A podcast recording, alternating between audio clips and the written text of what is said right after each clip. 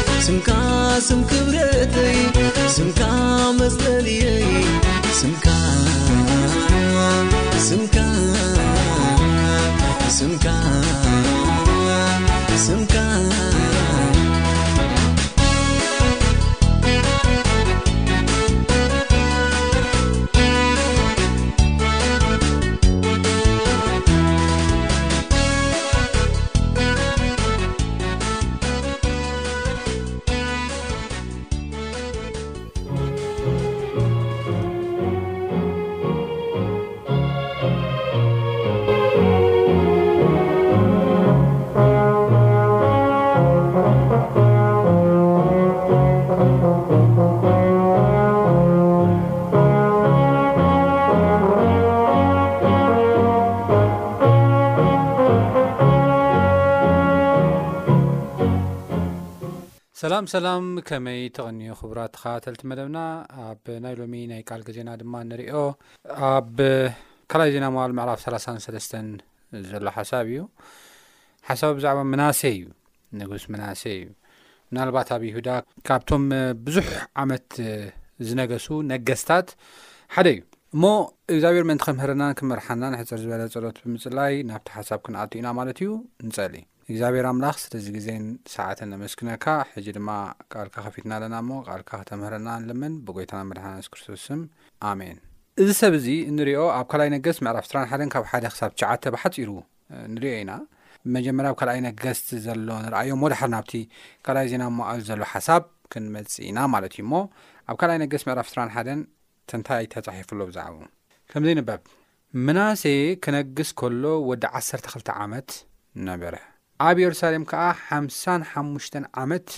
ገዝአ። ስም ኣዲኡ ድማ ሔፍጻባ እዩ፣ ንሱ ኸኣ ከም ናይቶም እግዚኣብሄር ኣብ ቅድሚ እስራኤል ዝሰጐጎም ህዝብታት ዘበለ ጽያፍ ኣብ ቅድሚ እግዚኣብሄር ክፉእ ገበረ። ክፉእ ነበረ። ንሱ ድማ ነቲ ኣቦ ህዝቅያስ ዘፍረሶ በረኽቲ መሊሱ ሰርሖ፣ ንበዓል ከኣ መሰውኢታት ኣቖመ፣ ከምቲ ኣክኣብ ንጉስ እስራኤል ዝገበሮ ድማ ኣስታርት ገበረ፣ ንብዘለዉ ሰራዊት ሰማይ እውን ሰገደሎም ኣገልግሎምን። ኣብታ እግዚኣብሄር ብዛዕባኣ ስመይ ኣብ የሩሳሌም ክነብር እዩ ዝበለ ኣብ ቤት እግዚኣብሄር እኳ መሰውኢታት ሰርሐ።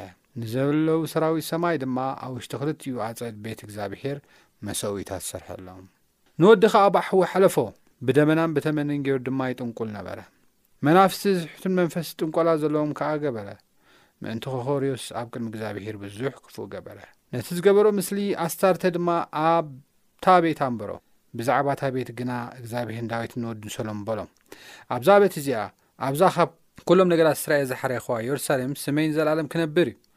ሓንትስ ከምቲ ዅሉ ዝኣዘዝክዎ፣ ከምቲ ባርያይ ሙሴ ዝእዝዞም ኵሉ ሕጊ ኸኣ ንምግባሩ እንተ ተንተጠቕኩምሉ፣ ሽዑ ንእግሪ እስራኤል ከኣ ካብቶም ንቦታት ዝሃብክዎም ምድሪ መሊሰ ኣየግዕዝን እየ። ንሳቶም ግና ኣይሰምዑን፣ ምናሴ ድማ ካብቶም ናይ እግዚኣብሄር ኣብ ቅድሚ እስራኤል ዘጥፍኦም ህዝብታት ዝኸፍኤ ኺገብሩ ኣስሓቶም።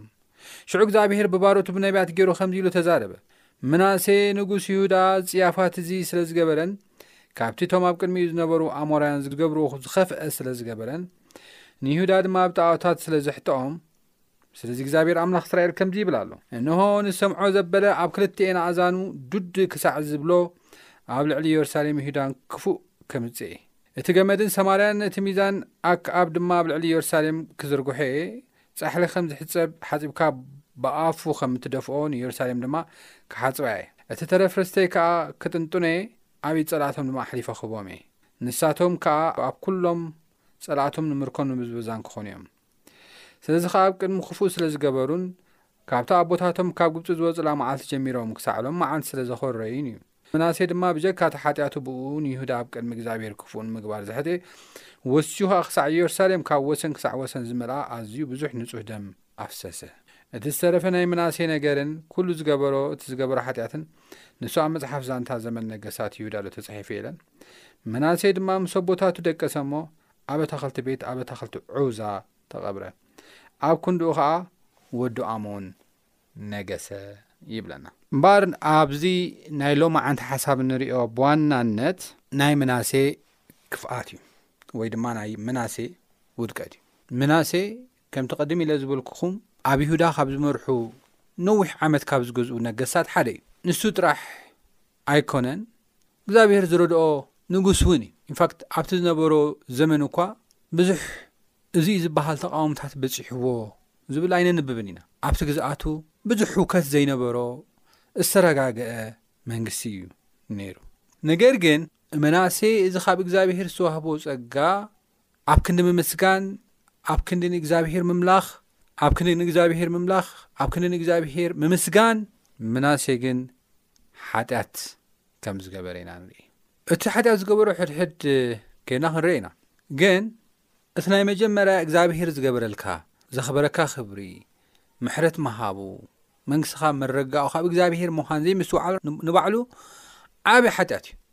እዚ በደል እዚ ኣብ ቅድሚ እግዚኣብሄር በዲሉ እዚ ዓይነት ሓጢኣት እዩ ኣብ ቅድሚ እስራኤል ገይሩ ማለት እዩ ስለዚ በዚ መልክዕ እዚ ኣብ ቅድሚ እግዚኣብሄር በደለ ይብለና ዝበደሎ ነገር እንታይ እዩ ዝበደሎ ነገር እንታይ እዩ ጣኦታት እዩ ኣምፅኡ ነቲ ጣኦታት ከዓ እዩ መሰብኢታት ሰሪሐሉ ጥንቆላን መዋርተኝነትን እዩ ገይሩ ልዕሊ እዚ ኩሉ ግን መንፈስ ጥንቆላ መንፈስ ጣኦት መንፈስ እንታይ ሽሙ ልዕሊ ኩሉ ካብ ምእታው ብተወሳኺ ግን ንጹህ ደሙ የፍስ ከም ዝነበረ ኢና ንርኢ ማለት እዩ እዚ ኩሉ ኣብ ቅድሚ እግዚኣብሄር ክፉእ ናይ ክፉእ ኮይኑ ተራእየ ይብለና እስኪ ንመለስ ሞ ሕጂ ናብቲ ዝገበሮ ሕድሕድ ሃጢያ ንረይ ናብ ካልኣይ ዜና መዋዕል ምዕራፍ ሰላሳን ሰለስተን ፍቕዲ ሓደ ጀሚሩ ዘለዎን ክንርኢ ኢና። ናይ መጀመርያ፣ ንሱ ኸኣ ከምቶም ናይ እግዚኣብሄር ኣብ ቅድሚ ደቂ እስራኤል ዝሰጎጎም ህዝብታት ዘበለ ጽያፍ ኣብ ቅድሚ እግዚኣብሄር ገበረ ይብለና።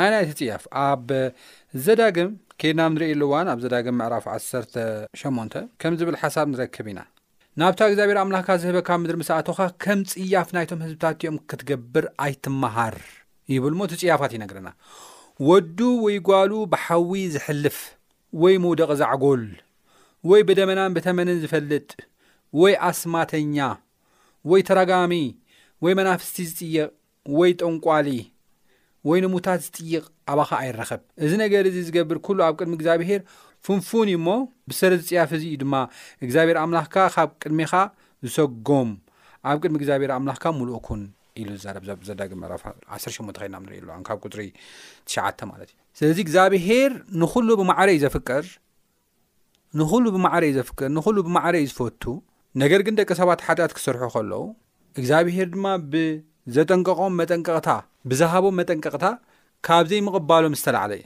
ሕጂ ናይ ከነኣናውያን ስደት ወይ ድማ ክጠፍኡ እግዚኣብሔር ዝወሰነሉ ዋና ምኽንያት ንኣርባዕተ ሚእቲ ዓመት ድሕሪ ምንጋሩ እዩ። እግዚኣብሔር ብነቢያት ኮነ ብዝተፈላለየ መንገዲ ነቲ ህዝቢ ምስ ነገረ ንኣሞራውያን ንከነኣናውያን ምስ ነገረ እዩ። ቅድሚ ኣርባዕተ ሚእቲ ዓመት ኣቢሉ እግዚኣብሔር ንኣብርሃም ከምዚ ኢልዎ ነይሩ። ሓጢኣት ይገብሩ ነይሮም እዮም ኣብ ግዜ ኣብርሃም ንባዕሉ ማለት እዩ። ቅድሚ ኣርባዕተ ሚእቲ ዓመት ቅድሚ ምጥፍኦም ሃዳ ትገብሩ ነይሮም እዮም ነገር ግን እግዚኣብሄር ናመሓረ ናረድአ ናመሓረ ናረድአ ይሕልፎም ከም ዝነበረ ኢና ንርኢ ኣብ መወዳእታ ግን እቲ ናይ ንስሓ ዝተዋሕቦም ዕድል እምቢሎም ስለ ዘይተጠቀምሉ ንክጠፍኡ ብእስራኤላን ክጠፍኡ መሬቶም እውን ክዝመት ክውሰድ ከም ዝፈቐደ እዩ ዝዛረበና ማለት እዩ ከምዚ ኢሉ ተዛሪቡ ነይሩ ኣብ ዘፍጥረት ምዕራፍ 15 ፍቅዲ 16 ዓመፅ ኣመራውያን ኣይመልአን እሞ ኣብ ራብዓይ ወለዶ ናብዚ ክምለሱ እዮም ይብለና ዓመፅ ኣሞራውያን ኣይመልአን እዎ ሓጢኣት ይገብርሎ እዮም እዎ ፅያፍ ይገብርሎ እዮም ነገር ግን ኣይመልአን ኢሉ ክዛረብ ከሎ ኢና ንርኢ ዓመፅ ኣመራውያን ኣይመልአን ገና እዩ ኢሉ ምሕረት ክቦም ከሎ ኢና ንርኢ ደሓር ግን ካብ ዓመፅ ናብ ዓመፅ ካብ ዓመፅ ናብ ዓመፅ ካብ ዓመፅ ናብ ክፋኣት ክኸዱ ከለዉ ምስ ረኣየ እግዚኣብሄር ክዕገሶም ከም ዘይከኣለ እዚ ዓይነት ፍርዲ ኣብኦም ከም ዝገበረ ኢና ንርኢ ምናልባት ኣብዚ ሓሳብ እዚ ክንመሃሮ እንኽእል እቲ ቀዳማይ ነጥቢ እግዚኣብሄር ብዝህበና ዕድላት ክንጥቀም ኣለና ምክንያቱ እዚ ዕድል እዚ ዕድል ኮይኑ ኣይነብርን እዩ ግዜ ኣለዎ ደረት ኣለዎ ገደብ ኣለዎ ሓደ መዓልቲ ፍርዲ ዝወሃበሉ ዓመጹ መሊኡ ድማ ናብ ፍርዲ ዝእተወሉ ግዜ ኣሎ እዩ እሞ ክንጥንቀቕ ይግባኣና ናብ እግዚኣብሔር ክንምለስ ይግባኣና ፈሪሕና ኣይኮናን ነገር ግን ንእግዚኣብሔር ክንፈልጦ ፈሊጥና ድማ ክንስዕቦ ንእግዚኣብሄር ጣዓሙን ረኣዩን ከም ዝብሎ ቃል ንእግዚኣብሄር ርኢና ጥዒምና ክንስዕቦ ሓጢኣት ካብ ሓጢኣት ካብ ፅያፍ ዝኾነ ነገራት ከነልግስ ፍንፉን ካም ዝኾነ እግዚኣብሔር ካብ ዝፍንፍኖ ነገራት ከነልግስ እዩ ዝግባኣና ስለዚ እንታይ እዩ ገይሩ ክንብል ከለና ምናሴውን ከምዚ ዓይነት ጽያፍ እዩ ገይሩ።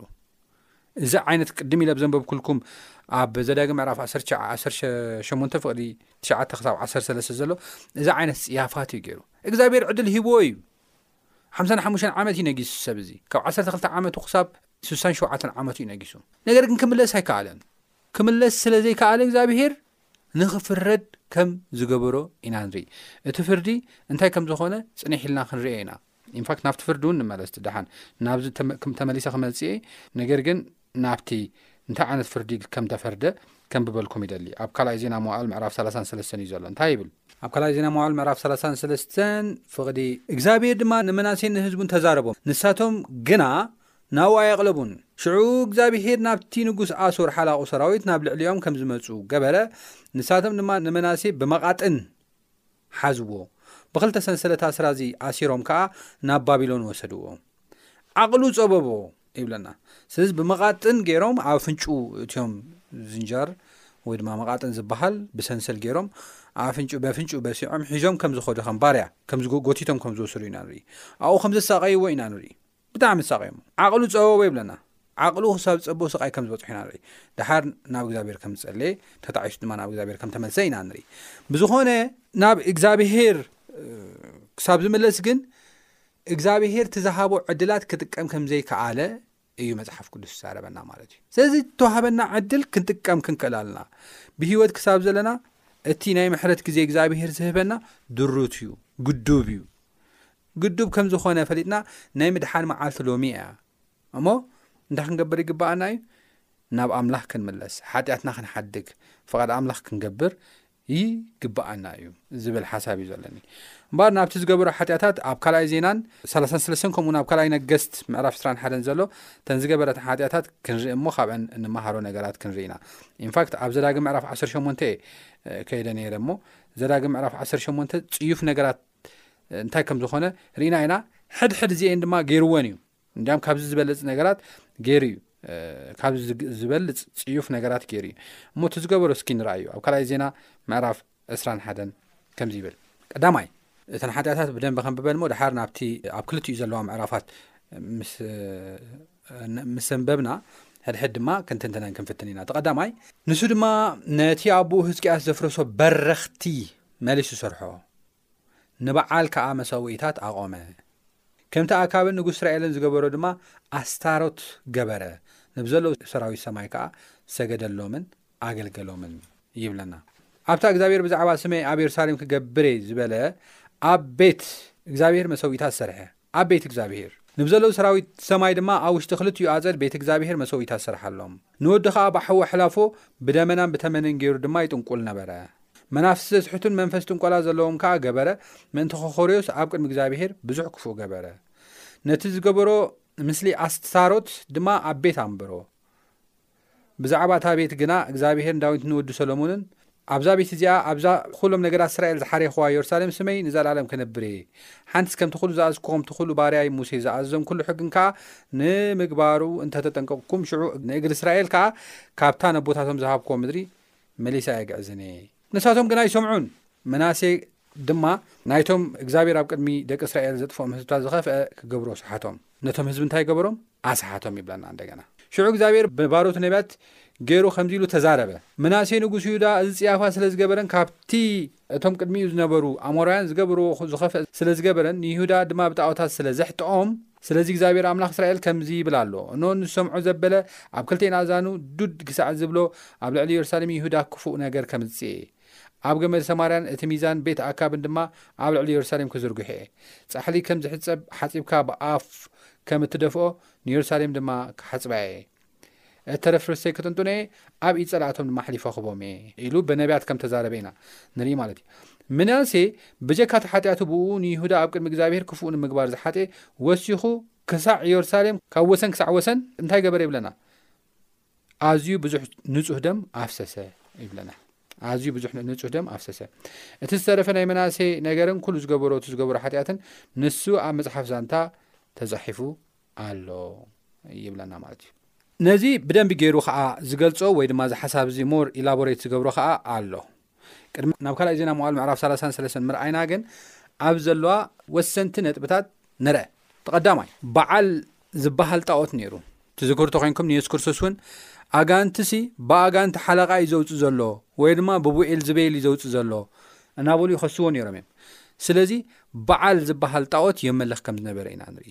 በዓል ዝበሃል ብኤል ዝበሃል ጣዖት ከም ዝነበረ ንዑ ድማ የምልኽ ከም ዝነበረ ምምላኽ ጥራሕ ኣይኮነን መፅሓፍ ቅዱስ ክዛረበና ከሎ ከምቲ ኢለ- ቅድም ኢለ ዘንበብኩኹም በረኽትታት መሰውኢ ከም ዝገበረሎም ኢና ንርኢ ኣስታሮት ዝበሃል ጣዖት ንሱ እውን መሰውኢታት በረኽትታት ንዖም ነቶም ጣዖታት ዝስውእሎም መሰውኢታት ከም ዝገበረሎም ኢና ንርኢ ንዚ ኸይተረፈ ኣብቲ ቤተ መቕደስ ኣብቲ እግዚኣብሄር ዝሓረዮ ቦታ ንባዕሉ ኣብቲ እግዚኣብሄር ዝሓረዮ ቦታ ንመምልኹ ክኸውን ኢሉ ዝሓረዮ ቦታ እንታይ ገበረ ይብለና ኣብኡ ንባዕሉ ነቶም በዓልን ኣስታሮትን ነቶም ካልኦት ዘምልኾም ዝነበሩ ጣዖታትን መሰውእ ከም ዝሰርሐሎም መቕደስ ከም ዝሰርሐሎም እዩ ዝዛረበና ማለት እዩ ነቶም ጣዖታት እግዚኣብሄር ኣይከብረሎምን እየ እግዚኣብሄር እዞም ነገራት ኣየኽብሩን እዮም ብዝበሎ ነገር ከም ዝሰርሐ እዩ መፅሓፍ ቅዱስ ይዛረበ ናብ መሰዊኢታት ጣኦት ምምላኽ ኣብዚኣ ጣኦት ገይሩ ከምልኽ ከሎ ኣብዚኣ ኢንፋሲስ ዝህብ ሓሳብ ኣሎ እንታይ እቲ ንመን እዮም ቶም ጣኦት ንመን እዮም ዝውክሉ ክብለና ከሎ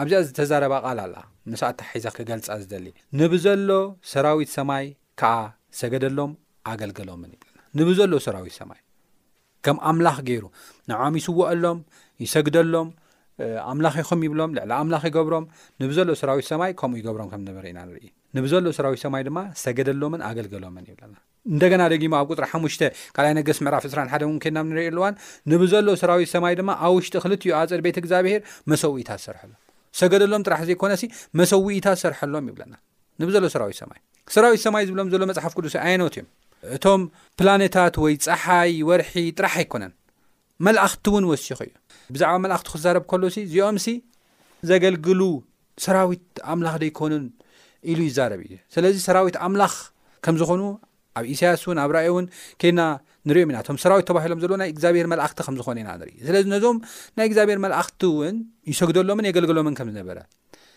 ነዞም ናይ እግዚኣብሄር መልኣኽቲ ውን መሰውኢታት ከም ዝሰርሐሎም ስውእሉ ቦታ ከም ዝሰርሐሎም ንዖም መስዋእቲ ዝግበረሎም ነገር ከም ዝሰርሐሎም ኢና ንርኢ ማለት እዩ ስለዚ ብኣጠቓላሊ ኣብዚ ሓሳብ እዚ እንታይ ኢና ንርኢ ተቐዳማይ ካብ ኣምላኽ ወፃኢ